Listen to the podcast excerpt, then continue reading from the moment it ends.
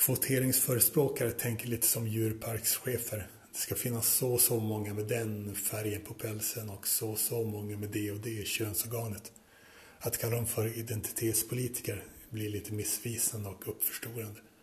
Ett ord bör inte användas för att det låter coolt, för att visa att man själv vet vad det betyder eller för att det kommer från USA. Identitet kan vara mycket. Man kan både ha en identitet som bygger på ens färg och på ens arbetaryrke. Biologisk representativitet kan passa bättre.